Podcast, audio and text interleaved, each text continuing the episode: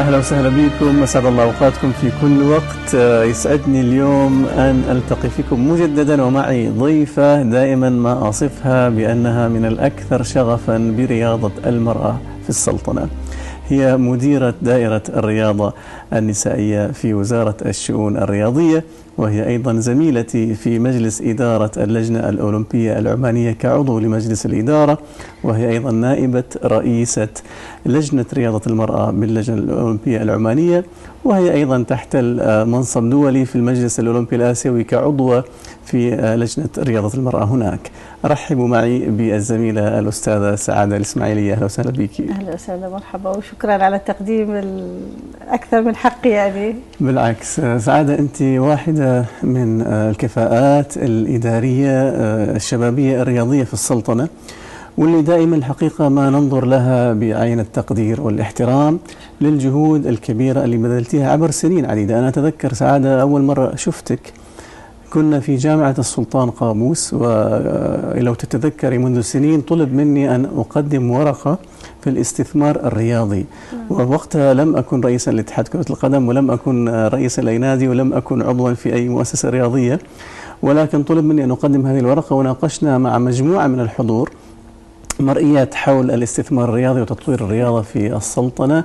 وأنت وقتها سألتي سؤال عن رياضة المرأة وكيف يمكن أن نطور رياضة المرأة في السلطنة ورد عليك أحد الحضور بما معناه أنه نحن رياضة الرجال أو الشباب ممرزين فيها فكيف تبغينا الآن نهتم في رياضة المرأة؟ ما زلنا. بين هذيك الفترة قبل سنوات تقريبا والآن كيف تشوفي رياضة المرأة في السلطنة؟ هل تطورنا إلى الحد الذي يمكن أن يكون مرضيا لك كمسؤولة عن هذا القطاع في وزارة مختصة بهذا القطاع؟ إذا بجاوب على آخر شق جدا راضية. بدينا رياضة المرأة من 93 وطبعا رياضة المرأة كانت موجودة في السبعينات والثمانينات ولكن توقفت في لحظة ما لبعض الإجراءات الإدارية الموجودة. حتى تم إشهار أول قسم النشاط النسوي ومنها النشاط الرياضي. فالفترة من 93 لحد 2019 تقريبا نقدر نقول 26 سنة أعتبر الرياضة النسائية طفلي.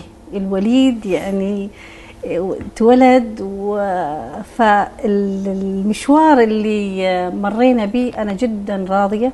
وكنت ودائما أستخدم كلمة قبلنا التحدي لأنه إحنا في دولة خليجية وعربية وإسلامية لها عادات وتقاليد إن أردت أن تحترم لازم تحترم البيئة أو المجتمع اللي أنت عايش فيها. صحيح. فالحمد لله احترمنا اللي حولنا احترمنا المجتمع. ما قلنا نبي ميدالية من غير إحنا ما نشوف اللي حولنا إيش يحبوا إحنا في أي بيئة ساكنين فيه. فالحمد لله أقدر أقول لك في العدد في تزايد لحد الحين يعني من كثر ما أنا شغوفة في هذا الشيء كنا نستقطب 100 فتاة في فعالياتنا في سنة 97 وكان هدفنا إنه إحنا نغير الثقافة الرياضية في المجتمع إنه هي مش ترفيه وليست مضيعة الوقت يعني. فدخلنا الأندية فدخلنا البيوت عند أولياء الأمور حاولنا والحمد لله انه يكون 100 شخص ويوصل الحين إلى 10000 في السنة على مستوى المحافظات. هذا أنا راضية وأعتقد الجميع راضي فيه. ممتاز. يعني أحد أهم الأهداف نقدر نقولها تحققت وهي زيادة عدد المشاركة نعم. في مجال رياضة المرأة في السلطنة وفي مختلف الفئات السنية. نعم. آه سعادة نحن طبعا زملاء في اللجنة الأولمبية العمانية ويمكن البعض يعني يستغرب أنه نحن نناقش هذا الموضوع. ولكن أنا أعتقد من المهم جدا أنه المجتمع يكون شريك معنا آه فيما نحن بصدد إن شاء الله يعني القيام فيه سويا ولتكملة مشوار أيضا السنوات الماضية. بالنسبة لتطوير رياضة المرأة من حيث إحراز النتائج ورفع مستوى الأداء الدولي ومن حيث أيضا مشاركة المرأة كرياضة بشكل عام في السلطنة. ما هي تعتقدي أهم خطوة يجب أن نخطوها في الثلاث سنوات القادمة إن صح التعبير لكي ما نعزز هذه الشقين مسألة توسيع المشاركة المجتمعية كحب للرياضة صحيح. ومسألة الارتقاء بالأداء الدولي لإحراز ميداليات أنا أتكلم تحديدا في المرأة. اليوم بعد هذه النجاحات كلها في السنوات الماضية يجب أن نفكر في مستوى أعلى. طيب عشان نصل إلى هذا المستوى الأعلى أهم ثلاثة عوامل تعتقدي آه لازم نركز فيها وأيضا نشرك فيها المتابع الكريم من خلال تعليقاته على آه هذه آه الفرصة. والله دائما أقول والناس يمكن تزعل مني أو بس ذوي القرار يزعلوا مني ولكن دائما أقول إنه اعطوا الثقة للمرأة ما ينقصها شيء وأثبتت إنه هي قادرة إذا أعطيت الفرصة قادرة تجيب ميدالية واليوم أنا شاركت في الوصال الصبح وقلت كان السؤال إيش تتمني؟ قلت لهم أتمنى إنه الميدالية الأولمبية تكون نسائية عمانية. بإذن الله ليش بإذن الله. ف يعني الثقة آه المكان اللي تحتوي المرأة عشان تعطيك نتائج.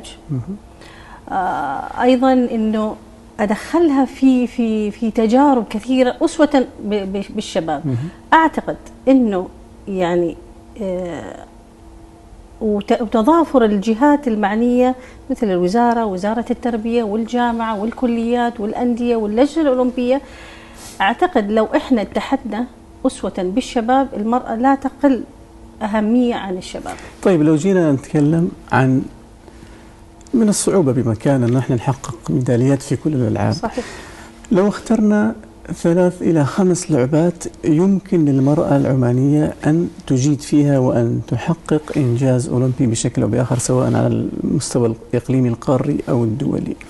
إيش تعتقدي أهم ثلاث إلى خمس لعبات يمكن التركيز عليها في الفترة المقبلة حاليا في في في بالي أنا إنه دائما الألعاب الفردية هي اللي ممكن إنك أنت تهتم فيها وممكن مم. إنك تحصل على التسويق ممكن إنه مم. تحتويها في مكان في أي مكان فأعتقد إنه لعبة ألعاب القوة في جميع السباقات ممكن جدا وعندنا بطلات ولكن لظروف ما استمروا وعندنا حاليا لو اهتمينا اهتمام صحيح التايكواندو عندنا بطلات ولكن ينقصها بعض المشاركات والاهتمام والثقة. التايكوندو ما محتاج عضلات أبدا أبدا و... كل الرياضات تحتاج إلى يعني القوة البدنية. نعم. يكون يكون عندي قوة بدنية. لكن تركيبة المرأة العمانية والفتاة العمانية بالعكس بالعكس. الجسمانية تعتقد بالعكس عندنا في مواصفات معينة لازم يعني ممكن الطول الجسماني يكون هو أكثر شيء ولكن في بعض الأحيان هي عبارة عن أوزان. طيب. فيبدا من أعتقد الأربعينات وأنت طالع فوق. فهذا أعتقد واللي لاحظناه إنه ممكن إحنا نجيب ميداليات. هذين اللعبتين ألعاب القوة والتايكوندو بالنسبة لي حاليا اللي أشوف والاهتمام بالنسبة للألعاب الفردية بالنسبة للنساء أعتقد هذه اللعبتين لو بدينا فيهم ولفتره دائما أقول يا خمس سنوات إلى عشر سنوات إحنا قادرين إنه إحنا نجيب ميدالية لأن وصلنا لاعبة ألعاب القوى بثينه اليعقوبي إلى بطلة عربية آسيوية. ولكن لظروف ما تم انسحبت يعني. نعم. ولكن لو استمرت يعني ممكن جدا جدا إنه إحنا يكون عندنا هذه اللعبتين. وطبعا في ولكن أتكلم عن يعني حسب دخولي مع هذه اللعبات. إنه في مجال إنه إحنا ودائما نختار اللعبات اللي ممكن نبدأ فيها مع اللي حولنا دول مجلس التعاون عشان نطلع فيها عربيا عشان نطلع فيها اسيويا نقدر فيها المنافسة يعني خطوة بخطوة وليس إنه إحنا نطلع عمان إلى مثلا آسيوي على طول. نعم. فأعتقد إن هذه اللعبتين اليوم في كثير من الفتيات يسألوني أحيانا في في برنامجي في الإنستغرام وفي سؤال السبت. نعم. أنا يعني تكون واحد تقول لي أنا موهوبة في اللعبة الفلانية أنا موهوبة في الرياضة الفلانية كيف ممكن أطور موهبتي؟ شو تنصحيهم بسرعة؟ تنصحيهم يعني بسرعة إنه للموهوبات أو اللي عندهم موهبة رياضية معينة ما هي أهم الخطوات اللي لازم يسويوها عشان ما يبدأوا مشوارهم الرياضي الدولي؟ إذا كانت طالبة المدارس في بطولات سنوية وإحنا يمدونا بالكشوفات ويتم يعني إختارهم ويجوا نجربهم و أو يكون عندنا مع الاتحاد وياخذوهم. عندنا معظم اللاعبات المنتخب تقريبا موجودات في في المنتخبات الوطنية.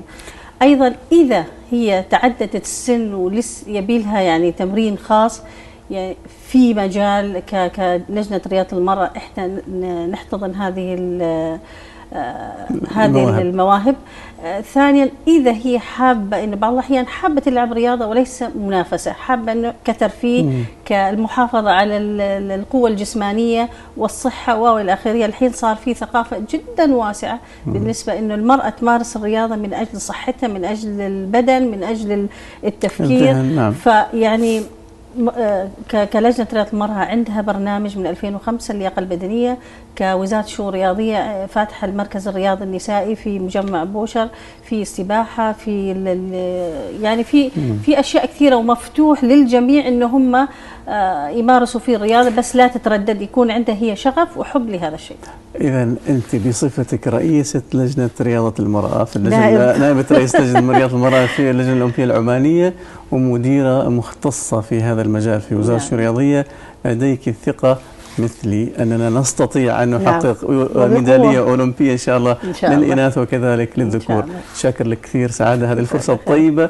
وأتمنى إن شاء الله أنه آه، نشوف أعمالكم وأهدافكم تتحقق آه، بالاشتراك مع زملائنا في اللجنة. وفي بقية الاتحادات الرياضية إن شاء الله ووزارة الشؤون الرياضية شكرا لكم وألتقيكم الأسبوع القادم